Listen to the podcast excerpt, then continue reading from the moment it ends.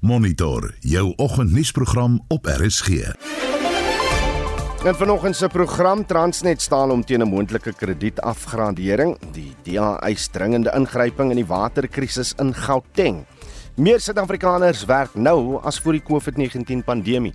In 2020, we were sitting at 16.4 million. We have been growing and been inching closer in the second quarter 2023 we're sitting at 16.3 million people employed. Now we are sitting at 16.7 million. En die aansoekproses vir NSFAS befondsing vir 2024 word vertraag. Welkom by Monitor onder redaksie van Jan Estreisen. Die produksieregisseur is Johan Pieterse en ek is Udo Karelse.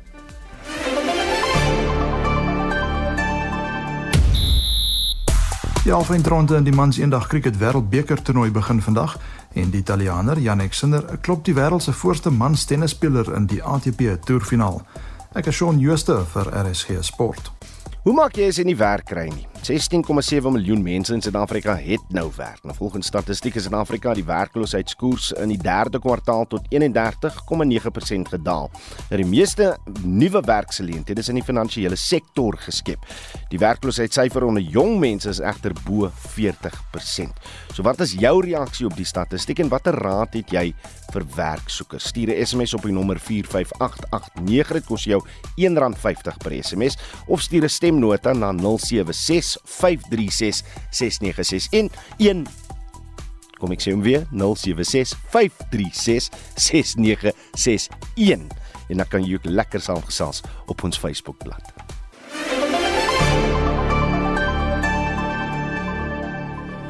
Byna 11 minute oor 6. Die DA in Gauteng versoek dat die uitvoerende hoof van Randwater, Sipho Mosai, afgedank moet word. Die party sal vanoggend 'n optog hou na die kantoor van die minister van Water en Sanitasie, Senzo Mkhunu, oor die aanhoudende waterprobleme in die provinsie. Ons praat nou met Krizan Bosch, uh, DA lid van die Gautengse wetgewer. Krizan, goeiemôre. Goeiemôre Ida. Hoe dra Sipho Mosai by tot die krisis dat jy sy afdanking eis en wat is die omvang van die krisis in Gauteng?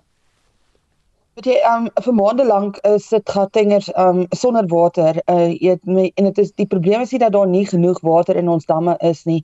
Um maar eerder die toevoer en die infrastruktuur wat 'n probleem is. En dit is baie duidelik dat daar nie behoorlik beplan word en dat daar mislukking is binne in Randwater self. En en dit is hoekom daar hierdie um jy weet hierdie diep gewortelde waterkwessies is wat ons gemeenskappe tuister um in Gauteng um op die oomblik. Ek meen ons sit in met areas soos in vereniging in Gauteng wat vir maande lank sonder water sit. En um en dan ook, jy weet in die in die ooste van Pretoria of selfs in Ekurhuleni, um waar daar net onverwags geen toevoer van water is na die munisipaliteite toe nie. En hierdie water um jy weet randwater is die hoof uh, toevoer van water na uh, voorsiening um van water na munisipaliteite toe. So, so alhoewel die munisipaliteite ook 'n rol het om te speel as hulle nie waterkrag inligting kry van randwater self af nie, dan is daar ongelukkig niks wat hulle kan doen nie.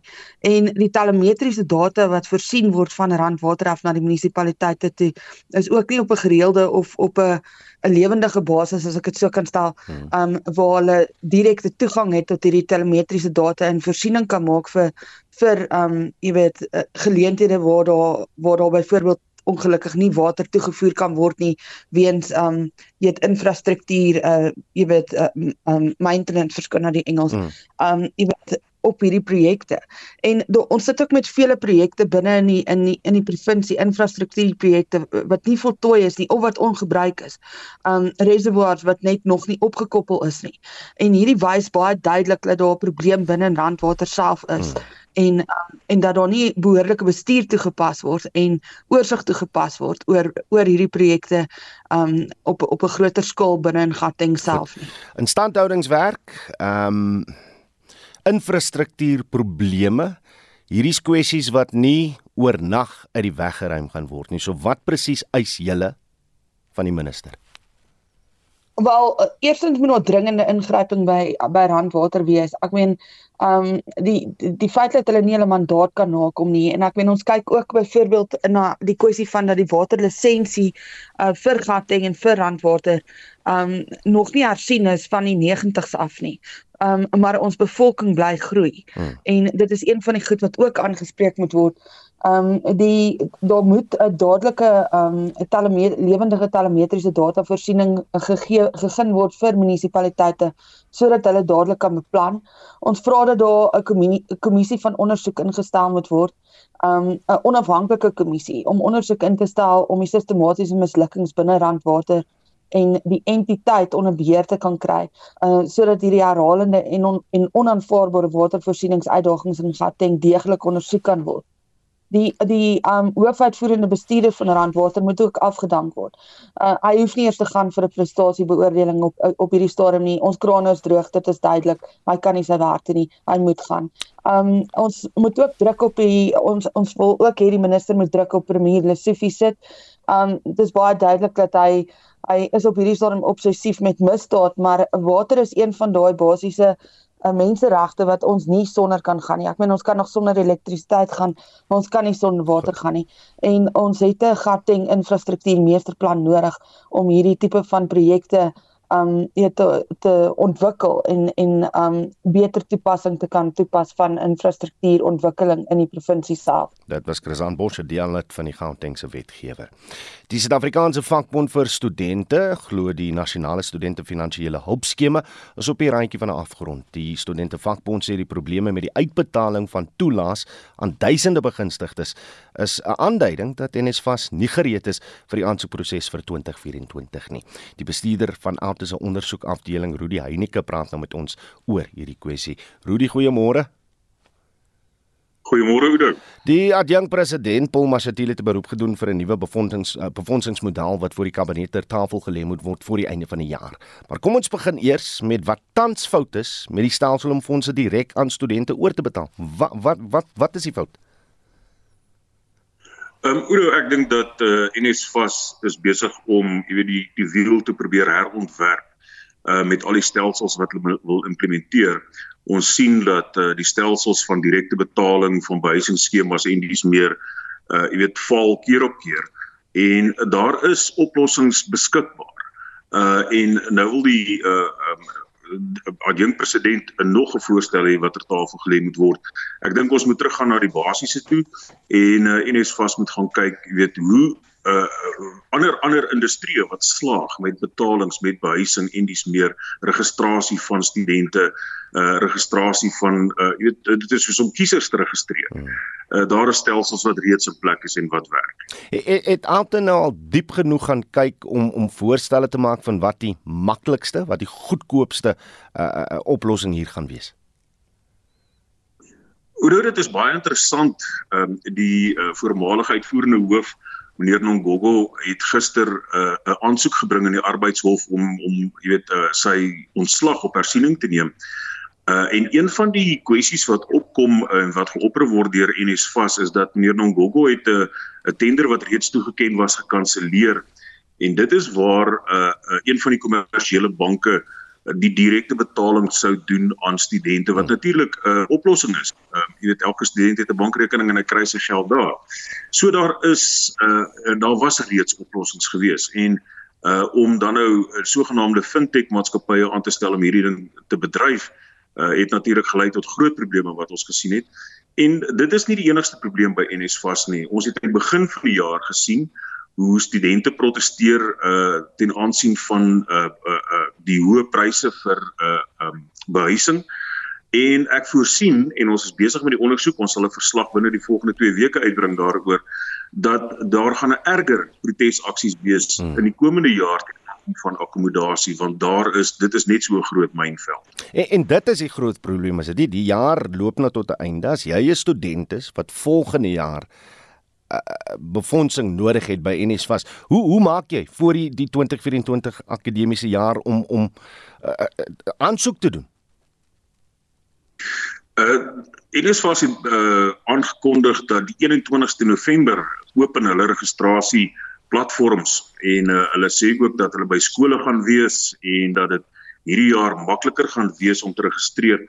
Uh, ek ek betwyfel dit egter want as mense gaan kyk uh die uh, uh spesiale ondersoekeenheid het 'n voorlopige uh aanbieding gedoen aan aan aan skoor in die parlement hmm. waar hulle gesê het dat die die die inligtingstelsels van uh, NSFAS is uh jy weet uh, ontoereikend. Dit kan nie uh, werk nie. Die die die een stelsel weet nie wat doen die ander stelsel nie.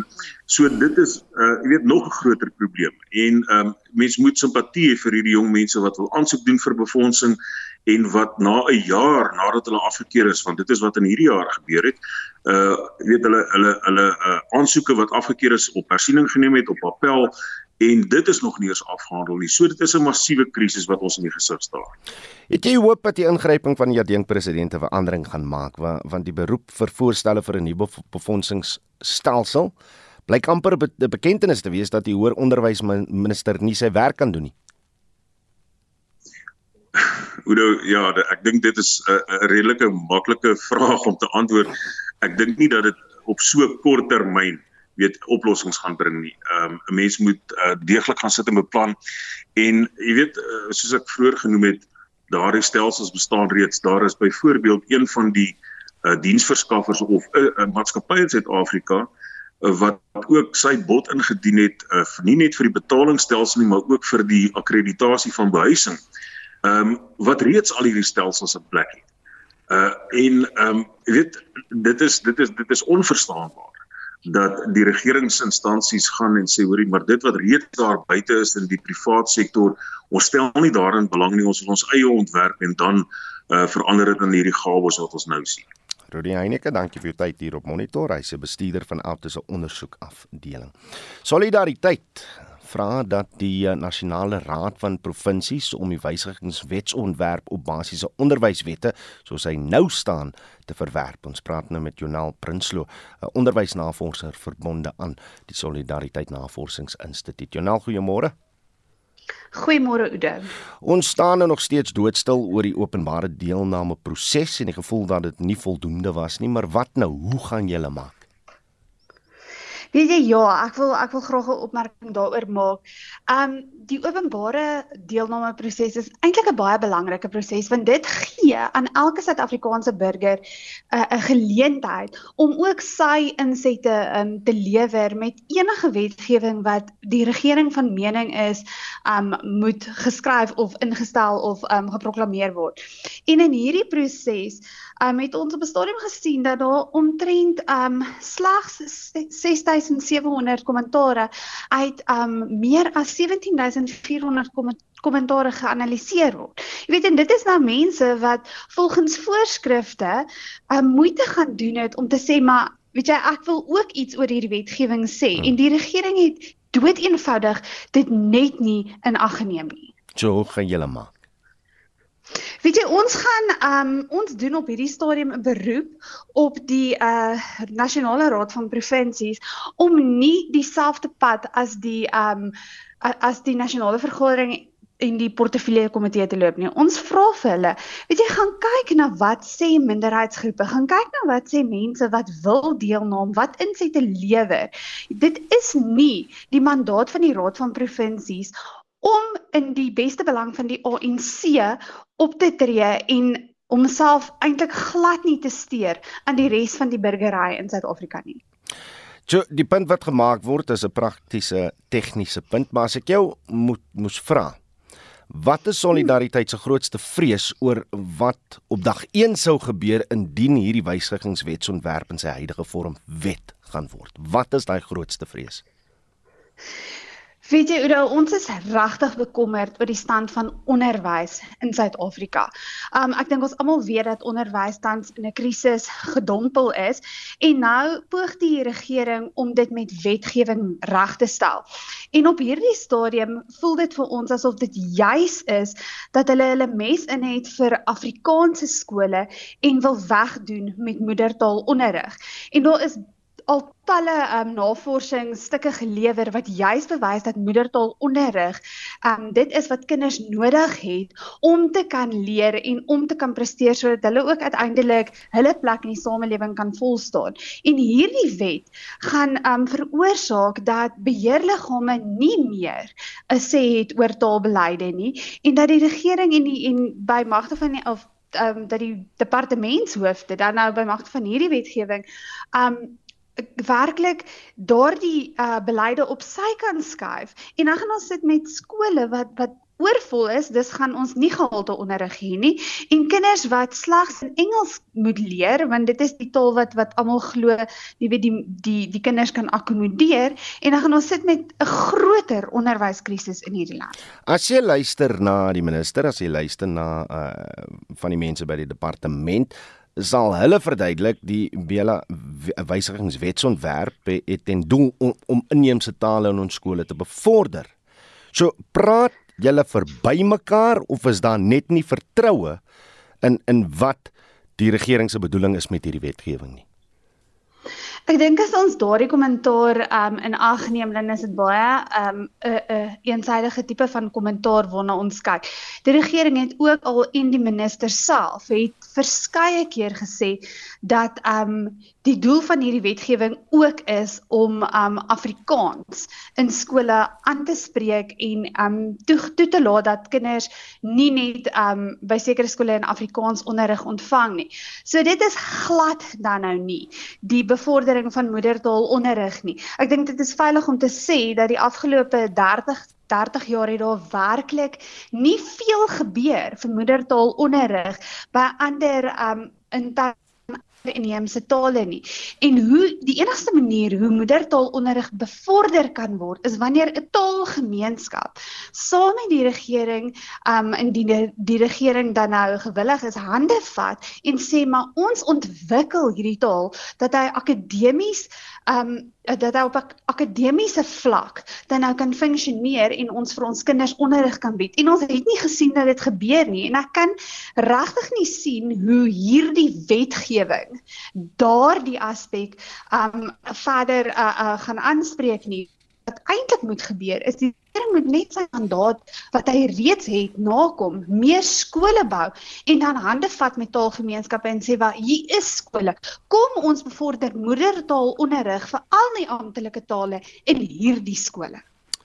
Dit was Jonaal Prinsloo, onderwysnavorser verbonde aan die Solidariteit Navorsingsinstituut.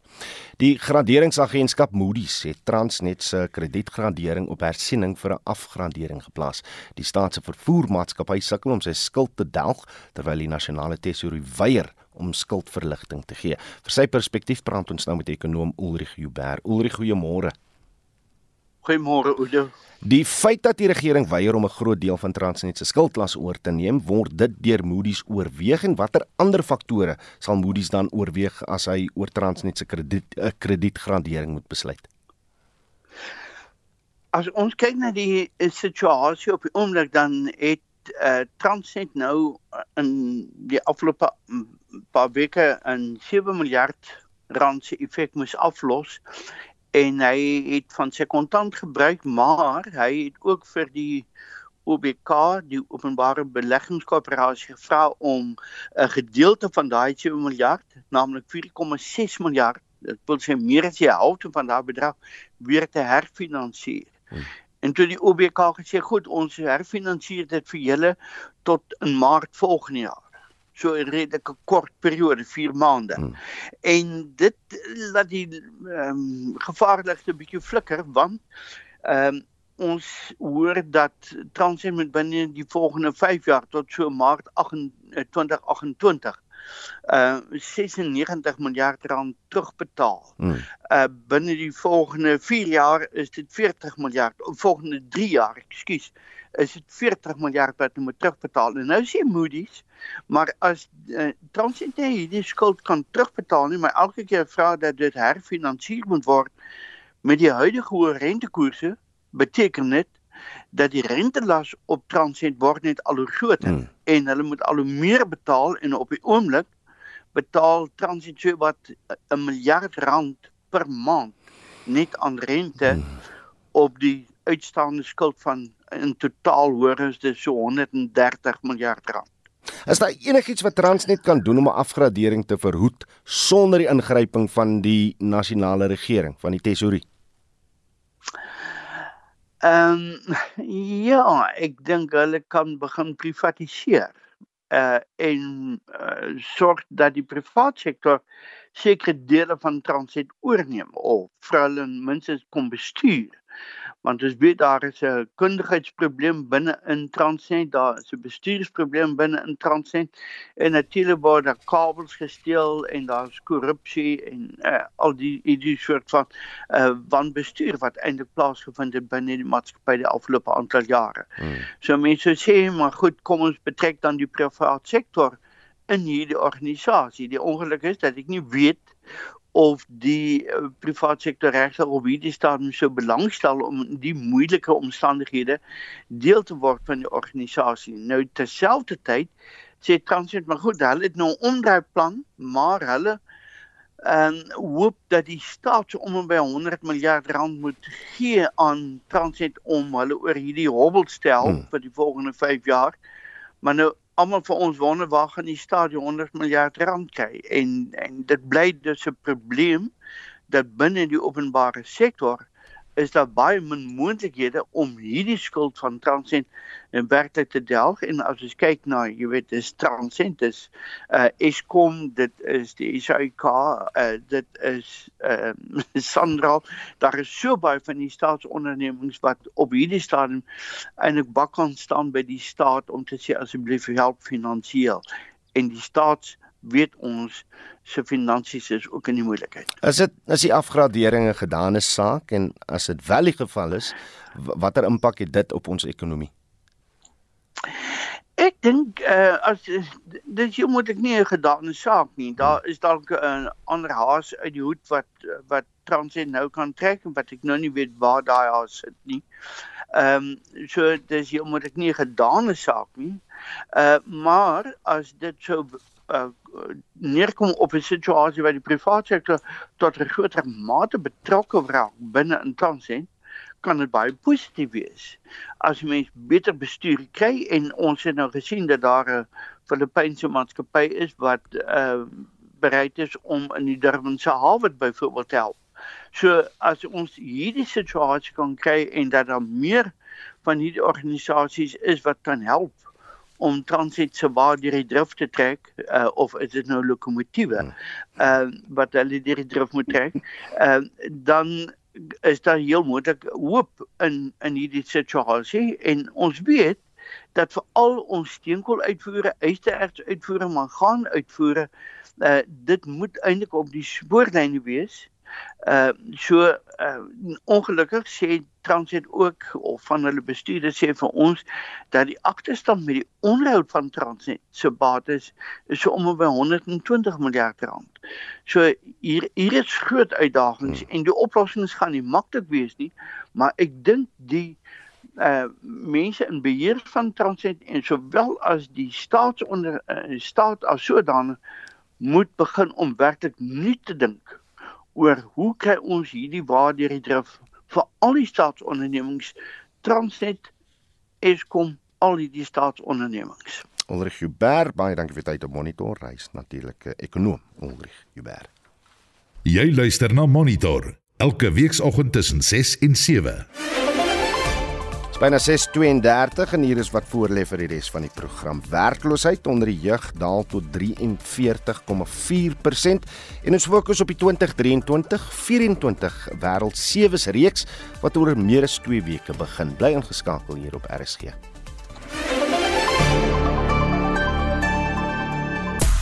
Reg, dan so gepraat van werkloosheid. Ons vra vanoggend, hoe maak jy as jy nie werk kry nie? 16,7 miljoen mense in Suid-Afrika het nou werk volgens statistieke Suid-Afrika het die werkloosheidskoers in die 3de kwartaal tot 31,9% gedaal en die meeste nuwe werksgeleenthede is in die finansiële sektor geskep. Nou wil ons weet, hoe maak jy as jy nie werk het nie? Wat is uh, jou reaksie op die statistiek? Laat weet dit ook op Facebook. Sê Helen Loupser, as jy 'n gekwalifiseerde dokter is, Engeland het 'n krisis. Hulle het nie genoeg dokters nie as jy bereid is om regtig hard te werk.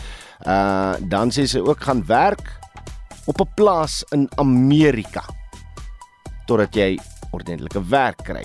Helen uh ja, en dan van die ander boodskappe wat deurgekom het, uh, Hendy Groblaar sê terwyl jy werk soek, raak betrokke by nuwensgewende organisasies om ondervinding op te doen, behalwe dit jy uh nota op verlig doen jy waardevolle kennis en ondervinding op wat in jou kuns kan tel by voornemende werkgewers. Dit sê ook iets positiefs van jou karakter. Laat weet hoe jy daaroor voel en wat jou raad is. Hoe maak jy as jy nie werk kry nie? Stuur 'n SMS op die nommer 45889. Dit kos jou R1.50 per SMS. Jy kan ook vir ons 'n stemnota stuur op 0765366961 en praat ook saam op RSG se Facebookblad. Reg is nou tyd vir die jongste sportnuus met Shaun Jooste môre Shaun. Goeiemôre Oudo. Die mans eendag cricket wêreldbeker halfeindstryde is hier. En uh ek moet sê die gasheerland is die gunsteling. Maar 'n uh, opskudding is altyd welkom, nee dan die Indië en New Zealand pak mekaar van half 11 af in Mumbai 'n herhaling van die 2019 halfeindstryd wat deur New Zealand gewen is. Nou, dit lyk na 'n warm sonskyn dag, so die weer behoort nie 'n rol te speel soos in 2019 nie. Nou, hulle het slegs een van hulle laaste 23 groepswedstryde verloor en New Zealand wil graag aan hulle derde agtereenvolgende eindstryd speel en uit 9 wedstryde ek die swartbeter loop 5-4 voor. Nou dit lyk nog goed gebalanseerde span met 3 spelers onder die top 10 kolwers en bowlers en die Seeland het 2 kolwers en 1 bowler onder die top 10 en uh, ek dink twee spelers wat dopgehou moet word vandag is beslis uh Virat Kohli, nommer 1 op die kolfranglys en dan ook Rachin Ravindra van Nieu-Seeland wat derde is. Kom ons gooi net so vinnige oogie oor môre want die moontlikheid bestaan dat dit môre in Kolkata kan reën. Nou vra ek jou Shaun, met al die terugslae wat die Proteas oor die jare gehad het by cricket wêreldbekers, is dit maar nie net reg en geregtigheid dat dit môre reën en ons direk finaal toe gaan nie. Ja, ek het gistermiddag ook so gedink toe ek uh, sien daar's 'n uh, môre 60% kans vir een Vrydag en 90% kans. Ek dink ek ja nee die wedstryd kan beslis maar uitreën ons verdien dit vir 'n slag en uh, dan kan ons weer gaan na die eindstryd. Daar is hy, daar is hy. Net so 'n bietjie tennis nie se reuse oorwinning teen Novak Djokovic verseker uh, nog nie. Jannik Sinner se plek in die halfeindronde van die ATP tennis toerfinaal nie. En uh Stefano Tsitsipas, wat het met hom gebeur? Ja, die nommer eh, die wêreldnommer 4 Djokovic met 7-5, 6-7 en 7-6 in 3 uur 11 minute uitoorlê, maar kan nog uitgeskakel word in die net sy laaste wedstryd teen Holger Rune verloor. Nou die nommer 6 van Griekeland is Stefano Tsitsipas was 2-1 agter in die eerste spel teen die nommer 10 van Denemarke Desmond Garoon terwyl 'n rugbesering moes onttrek. Die Pool Hubert Hurkacz vervang hom vir die laaste wedstryd teen Djokovic. Reg, nou die 2023-2024 Wêreld Sewees reeks begin oor bietjie meer as 2 weke. Die Blitsbokke het al menige toernooie gewen en die vroue span is nou ook deel van die wêreld sewe se reeks en het ook vir die 2024 Olimpiese spele gekwalifiseer. Ons praat dan vanoggend met die Blitsbokke se hulpafrigter Philip Snyman. Môre Philip. Goeiemôre aan RSG span al die luisteraars aan buitekant. Lekker om jou saam met ons te hê en die hoofafrigter van die vroue span Renfred Duisel. Môre meneer. Goeiemôre Shaun, baie dankie vir die geleentheid. Daar sê Shaun en Oudo hier wat bietjie gesels met julle. Uh Renfred, ons begin met jou. Dit het baie geverg vir ons vroue span om die punt te bereik, maar hoe vergelyk hulle met die topspan in die kompetisie as dit kom by hoeveel kompeterende rugby hulle speel? Ek dink die kompeterende rugby is die is die probleem tans in ons land. Ons het net een groot kompetisie en dit is die 15s wat nou 2 maande terug um klaar gemaak het en dit is basies al wat ons na kan gaan kyk. So dit gaan maar 'n um, probleem wees in die toekoms so ons kyk of ons daardie kaping kleiner kan maak. Renfred, julle julle is in groep A vir die Dubai toernooi saam met Nieu-Seeland, Fiji en Groot-Brittanje. Wat is julle mikpunt vir die toernooi? Nee, ons mikpunt vir die toernooi is om is maar altyd om om om om te gaan wen, maar as jy kyk die groep wat ons in is, Nieu-Seeland, Groot-Brittanje en Fiji, is dit is dit is dit in drie van die top 6 spanne wat wat ons wat ons teen speel in die groep is en vir ons ons kan maar net beter raak. Ons gaan nie groot doelwitte stel nie omdat is dit ons eerste seisoen is en eerste voltydse um program wat ons nou het, maar as ek nou terugkyk in 'n jaar se tyd is dit in 'n baie beter plek as waar ons as as waar ons nou is want ons het laas jaar net 1 week gehad om voor te berei vir 'n uh, uitnodigingstoernooi en vir die die Kaap sewe. So ons is in 'n baie beter plek. Ons het vir Libby Jansen van terug nou terug gekry van die af vir die twee toernooie. En 'n speler so Shona Leo Weston wat voor die 17 gespeel het. So hulle het die groep sterker gemaak maar soos ek sê die diepte die diepte gaan 'n probleem wees in die seisoen maar ek hoop ons kan die gaping bietjie Philip, kom ons sluit bietjie by jou aan. Uh, ek weet jy weet daar is groot verwagtinge onder Suid-Afrikaners oor wat die Blitsbokke kan verrig. Maar die afgelope jaar was nie een van die maklikste vir vir julle nie. Wat het die afgelope jaar in jou mening met ons spelpyl gebeur en hoekom? Ja, die laaste jaar was wat was baie uitdagende jaar. Ehm um, twee nuwe afrigters wat oorgeneem het. Ehm um, baie van die senior spelers van die vorige jaar wat aanbeweeg het 15s toe en dan ek dink die die grootste terugslag vir ons was was was 'n hoë beserings. Ek dink in daai sleutelposisie op nommer 9 en 10 het ons op 'n stadium 9 beserings gehad en ons het net 6 van hulle of 7 van hulle in in die oefengroep in. En dit het ons forceer om ons tweede en derde keuse senters begin speel op loskakel en 9 en en dit was uitdagend geweest maar Ehm um, ten spyte daarvan, ek dink ons diepte in die groep is is meer as genoeg en mense wil nooit agter iets wegkruip of agter iets skuil nie. So ek dink ons net erken Um, ons was nie um, op standaard gewees nie en ons het hard gewerk in hierdie afseisoen. Ons weet daar's groot verwagtinge vir die Springbok sewes en dit, wat ons hierdie jaar ons wil dinge regstel. Ons wil gaan regmaak wat ons laas jaar verbrou het en ek is seker met die voorbereiding wat ons gehad het, um, kan ons kan kan ons weer daar uitkom. So Ehm um, ek's baie opgewonde oor die jaar, uh, maar mens moet mens moet nederig wees en mens moet mens moet stil wees en en laat die resultate op die veld vir homself praat. Vir net so vinnig, hoe voel julle oor die groep waarin julle geplaas is vir Dubai? Ja, al, altyd 'n moeilike groep. Ek moet sê die laaste paar jaar was altyd vir ons eh, 'n uh, gelukkige tyding in in Dubai. Ehm um, so ja, ons het vir vir Kanada en dan Samoa en dan die laaste wedstryd wat ons teen Nieu-Seeland speel nou Ehm um, ons weet deesdae op die reeks omdat net 12 spanne is, daar's nie meer 16 nie, is daar glad geen maklike wedstryde nie. So ek dink van daai eerste wedstryd af gaan gaan, gaan dit alles weer. Ek dink spanne moet punte punte opsamel of op opstek in die in die in die um, in die speel in die poolwedstryde sodat hulle vir daai moontlik vir eer, of eerste twee of vir daai derde plek kan kwalifiseer. Daar's net twee derde plekke, so dit gaan regtig moeilik wees. Ehm um, maar ons is op daarvoor. Ehm um, so ek sê ons is die laaste paar jaar redelik suksesvol in Dubai en ek dink ons ons gaan met 'n goeie gemoed en ons gaan ek wil sê 'n punt wat ons wil bewys nie, maar on, ons skuld daai try iets. Ons skuld regtig die stelsel iets en en ons gaan hard gaan om om suksesvol in Dubai te wees. En uh, Renfred, jou verwagting? Nee, ons verwagtinge is is omdat omdat dit ons eerste reeks is en baie van die meisies wat wat hulle eerste keer hulle buiging gemaak in die in die in die HSBC 7 dink ek vir ons is ons gaan maar uit om dit geniet en ons is besig met 'n nuwe kultuur bou, nuwe identiteit vir die span. So ons gaan uit om kompeterend te wees en as jy kompeterend wees dan kan enige dan kan enige dinge jou kant En dan uh, dit net so laastens, uh, julle het nog 'n kans om vir die 2024 Olimpiese spele te kwalifiseer mits as skok die groen lig gee. Het julle al enige nuus hieroor ontvang en hoe dink jy gaan dit die seisoen se voorbereiding afekteer? So, nee ja, so ek ek dink dis dis heeltemal buite ons beheer en dis buite ons fokus en buite ons raamwerk daai. Ehm um, wat moet gebeur daar sal gebeur. Ehm um, nou die dag vir die manne in die in die spankamer gesê dit dit help glad net ons nou daarop fokus nie. Ek dink ons moet teruggaan na die verlede wat ons suksesvol gemaak het en dit is om een toernooi op 'n slag te fokus, een wedstryd op 'n slag. So ek dink ons het dit aan die buitekant gesit. Ja, daar's daai droom wat daar lê, maar heeltemal buitekant gesit en en as dit so mag uitwerk, maar veral wat ons betref, moet ons gaan ons te wonderlike seisoen hê en dit gaan alles by daai eerste wedstryd in Dubai begin.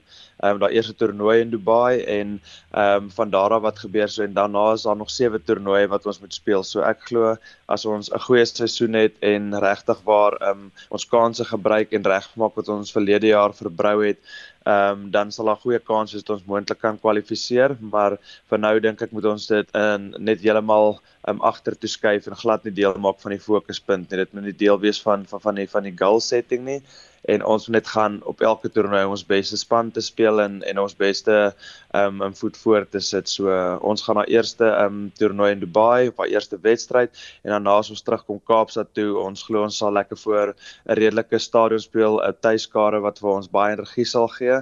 So um is weer terug na die tweede dag toernooi toe. So ons sien uit daarna en um ja, dan het ons bou bou op elke el, elke stukkie bousie wat ons kan neerlê moet ons moet ons op voortbou. Meneer, alles van die beste vir die uh, nuwe reeks. Dit natuurlik Blitsbok afrigter of hulpafrigter Philip Steynban en die hoofafrigter van die vrouespan ren vir 'n duisel wat daar saam met uh, myself en Shaun Jooste van RSG bietjie gesels het.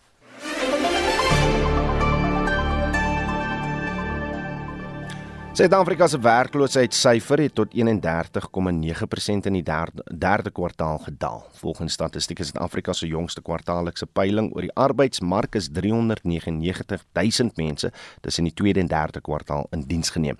Nou 16,7 miljoen mense het nou werk in die land. Vir meer hieroor praat ons met professor Andre Roo van die Besigheidsskool aan die Universiteit van Stellenbosch. Andre, goeiemôre. Goeiemôre en môre aan al die luisteraars. Statistiek Suid-Afrika sê die land het meer mense wat werk as voor die COVID-19 pandemie. Hoe is dit moontlik gegee uitdagings soos beerdkrag en en swak ekonomiese groei in Suid-Afrika? Ja, maar mens eerstens moet mense seker gedagte hou, dis dis dis wel meer as net voor COVID, maar daai syfer was nie is wonderlik nie. Hmm. Dit was reeds on, onrusbaar en swak. Uh 'n klein bietjie van 'n toename in werksgeleenthede. Ehm um, ek dink dit wys vir ons dat daar is sektore wat 'n bietjie meer bestand is teen dinge soos uh uh beerdkrag en dis meer. As ons kyk na waar die uh toenames wel aangeteken is, dan is dit in finansies, dis gemeenskapsdienste nou en handel. Hmm. Nou daai drie is dienste sektore. Hulle is minder afhanklik van krag en dis meer uh, uh as dinge soos elektrisiteit, uh vervoer, mynbou en vervaardiging. En daai laaste vier was 'n eintlike daling in die aantal uh wer hmm. werksgeleenthede. Die wer die werkloosheidskoers onder jong mense bly wel 'n hmm. groot probleem in Suid-Afrika. Dit is kommerwekkend en skrikwekkend hoog. Uh vir diegene tussen 15 en 24 is dit naaste by 58%. Hmm. En ehm um, mense sal baie keer vra ja, maar is daai mense nie op skool nie? Nee, ons praat van mense wat die skool verlaat het en daadwerklik werk soek. Hmm. En en ek moet daarby noem 'n ander ewe kommerwekkende syfer is as ons die Engelse akroniem gebruik NEETS. Dit staan vir not employed, hmm. nor in education, nor in training. Want anders jong mense in die geval tussen 15 en 24 uh wat nie op skool is nie, nie universiteit nie. Hulle is nie hulle is nie besig te werk nie en daai syfer alleen is 3.3 miljoen. Mm, mm. Nou in totaal is daar 10 miljoen mense wat in daai uh, wat in daai ouderdomskategorie val. So 33% van van jong mense tussen 15 en 24 werk nie. Hulle is nie op skool nie, hulle is nie by universiteit nie en mense sukkel om te dink wat hulle dan wat hulle dan doen. Wel die realiteit dan in, in 'n jaar se tyd of of of of 2 is dat hulle dan gaan aansluit by die getal ekonomiese onaktiewe persone uh, en hy het wel gedaal tot 13,1 miljoen mense maar dis nog hmm. ook 'n reuse syfer. Dit is maar dis nie noodwendig daai syfer is nie noodwendig 'n weerspieëling van 'n uh, swak ekonomie. Hmm. Uh ons onthou weer eens as ons kyk na werkloosheid, ons kyk slegs na diegene ouer as 15 kinders mag nie werk nie. Hmm. Nou nou uit daai syfer van nie ekonomies bedrywig vind ons dat 'n goeie 40% is inderdaad mense wat nog op skool is waar hulle hoort. Mm, mm, mm. Uh en dan so 18% is wat hulle noem tuiskeppers, tuisterskeppers en die ou dae ons praat van voltydse huisvrouens en en dis hoe die statistiek werk. Mm. Iemand wat verkies om 'n voltydse tuiskepper is nie ekonomies aktief nie dan is daar nog so 13% wat uh, sorry dan ja nog so 13% wat as gevolg van siekte of ander probleme nie net eenvoudig nie kan werk nie. So mense is te bekommerd oor daai syfer nie. Hmm. Dit is maar 'n weerspieëling van die relatiewe jeugtigheid van ons bevolking. Wat wel kommerwekkend is is die feit sorry as ek mag sê, nee, nee, nee. is die feit dat die daling in werkloosheid, die werkloosheidskoers, ja, mens moet bly wees dat daarmee gestyg het maar 31 32% is ongelooflik hoog. Hmm. En onthou uh dit is nie 'n onlangse tendens nie. Die feit dat hy bo 30 is wat meer onlangs gebeur, maar vir langer as 20 jaar is dit om by 25%. En dit is net eenvoudig onaanvaarbaar hoog. Andre, watter provinsie het in hierdie kwartaallikse peiling die meeste werksgeleenthede geskep en is daar aanduidings uit hierdie syfers of dit te danke is aan die privaat sektor of die regering in die provinsie se ingryping? Ja, oor die algemeen en dis nie net hierdie kwartaal nie, is die ehm um, provinsies wat kom ons vat hom andersom wat die wat die hoogste werkloosheidskoers het. Hmm. Is tipies die Oos-Kaap, uh Noordwes, Vrystaat, Mpumalanga, Gauteng. Daardie vyf so werkloosheidsyfers is hoër as die land se gemiddelde. Uh die laagste werkloosheidskoers is die Wes-Kaap 20%, Noord-Kaap 26, KwaZulu-Natal 29 en Limpopo 31. So dis al jare lank so dat die Wes-Kaap al uh die laagste werkloosheidskoers aanteken. Nou die vraag is waar word werk geskep? En ek het net nou genoem dat ehm um, die, die die kleinhandel en die groothandelsektor is inderdaad een van die grootste werkgewers saam met die finansiële sektor en dan natuurlik uit uh, die regering bly een van ons grootste werkgewers as as as as 'n entiteit. Wat nou weer ander implikasies het uh, as dit kom by dinge soos die begroting en die fiskale knyptang waarna ons self bevind. Reg. Maar dis seker onder iets anders dan ja. Net so 'n laaste vraagie, waarmee moet die nasionale hmm. regering homself nou besig hou om die omgewing te skep vir nog werkskepping en is die syfers 'n aanduiding dat ons wel daai paadjie begin stap? Ehm um, ja, ek is bly jy het genoem die regering die omgewing moet skep. Hmm. Uh dis dit dis dis mense raak ongemaklik as sommige mense wil hê die regering nuwe werk self moet skep. Dit wil ons nie hê nie. Maar die regte omgewing skep ja. En ironies genoeg is een van die stappe wat ons moet neem is om minder betrokke te raak in die arbeidsmark. Laat die mark toe om te doen wat hy graag wil doen sonder inmenging. Maar dis meer van 'n institusionele regulatoriese faktor. Uh wat kan we doen andersins? Wel die die die die voor die hand liggende dinge uh, skep die omgewing vir korrekte ordentlike toepaslike opvoeding opleiding hmm. maar dan ons skoolstelsel uh verminder die bureaukratiese rompslomp veral rondom die skep en die in die daarstelling van kleinmaatskappye jy weet internasionaal reg oor die wêreld is die vinnigste groeiende tipe in diensname is self selfindiensname hmm. so hierdie hierdie idee van mikrobesighede, uh, klein besighede. Dit moet aangemoedig word, nie ontmoedig word nie. Dit is 'n tipe ding. Dit gaan nie 'n kits oplossing lewer nie, beslis nie. As ek mag afsluit met 'n met 'n aanhaling uh wat miskien vir ons 'n bietjie stof na na nadenke gee. Die ekonom van jare gelede, Joan Robinson, het gesê the misery of being exploited by capitalists is nothing compared to the misery of not being exploited at all. Ach, ek wil ek wil nie daardie sê dat die die oplossing daar lê nie, maar laat die laat die laat die arbeidsmark doen wat hy kan doen, wat hy behoort te doen sonder te veel inmenging. As hy professor Andre Roo is van die besigheidskool aan die Universiteit van Stellenbosch. Die adjunk hoofkiesbeampte van die verkiesingskommissie, Masego Shiburi, sê die OFK het sy stelsel stelsels verbeter sedert die kiesersregistrasie in 2021 plaasgevind het. Die OFK het gister die parlement se portefeulje komitee oor binnelandse sake ingelig oor sy gereedheid vir die komende kiesersregistrasie naweek. Shiburi sê stemgeregtigde kiesers in die buiteland sal in Januarie volgende jaar vir die verkiesing kan registreer. Winsin Mofokeng doen verslag. Shiburi het die komitee ingelig oor die OVK se vordering met die opgradering van sy stelsels.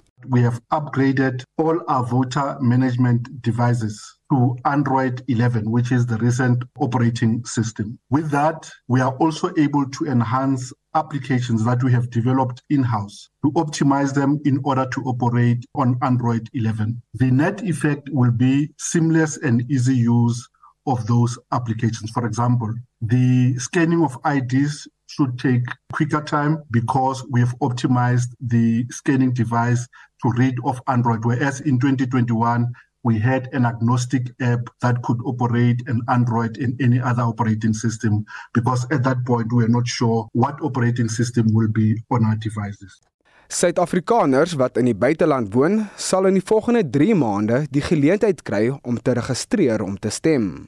Just for information, there will be three consecutive days planned for voter registration abroad, and this will be in January 2024. So we will open all missions uh, to allow people who are ordinary residents in those countries to apply for and if uh, confirmed be included on those segment of the voters roll. Shiburi se tweede kiesersregistrasie naweek sal eers aangekondig word nadat raadpleging oor die verkiesingsdatum met die president afgehandel is. A second registration weekend's yield depends largely on whether an election date is known. We would want to only announce the second registration the date of the second registration weekend once the presidency has made known the date on which the election will be contested so that that registration weekend is as close to the date of proclamation as possible so that by the time you hold your election your voters roll is still pretty up to date uh, with persons who registered. So the second registration date will be known as soon as consultation with the presidency has concluded and the date of an election has been made known even though it may not be proclaimed Shiburi het ook beklemtoon dat sommige stemlokale nie die nodige sanitasiegeriewe het nie. Given the unequal development in our country, that is where we find ourselves. There are 959 such voting stations where there is no social amenities at which we have uh, to pitch to pitch tents. In bigger metropolitan municipalities, we are also able to improve the quality of our tents because there is a market. However, if you move to far removed areas where there is no market for marquees, uh, you have to bring those things from metros and the cost becomes too exorbitant. Dit was die verkiesingskommissie se adjunk hoofkiesbeampte, Masego Shiburi. Mercedes Besent het hierdie verslag saamgestel. Ek is Vincent Mufokeng. Ja, oningewikkelde vraag vanoggend, maar breedvoerige kommentaar en terugvoer wat ons kry vanoggend. En die vraag is eenvoudig: Hoe maak jy as jy nie werk kry nie? Op uh, die SMS lyn sê Aldrin Mentjies van Zastron, dit is baie moeilik om nou werk te kry. Ek is al 3 jaar sonder werk. Ek is 45 jaar oud. Ek het alles al probeer, alles verloor omdat ek geen inkomste het nie. Daar is nie eintlik enige raad sê sy aan mense nie. Dis moeilike tye, dis swaar kry tye, sê uh, Eldrin Mentjies. Dan sê uh, Jonathan Jonathan April van Gouda, môre oor my raad. Jong werksoekers, leef jou potensiaal uit. Hier by ons op Gouda as mense so lelik met mekaar as dit kom by projekte veral vir jong mense, uh as dit kom om hulle wetlik aan te neem. Uh doen dit asseblief. Dan neem ek aan het mense meer van 'n geleentheid. Maar wat is jou raad? Hoe maak jy as jy nie werk jy, uh, kry nie? Stuur 'n SMS op die nommer 45889. Dit kos jou R1.50 per SMS of 'n stemnota op WhatsApp na 0765366961 en dan kan jy ook lekker saamgesels op RSG se Facebookblad. Ons groet namens ons uitvoerende regisseur Nicoline Lou, die redakteur vanoggend is Jan Estreisen, ons produksieregisseur is Johan Pieterse en ek is Oudo Karel. Onthou vorige uitsendings Notas van al ons nuus en aktualiteitsprogramme is as 'n potgooi op RSG se webtuiste beskikbaar. Van nou eers, totsiens.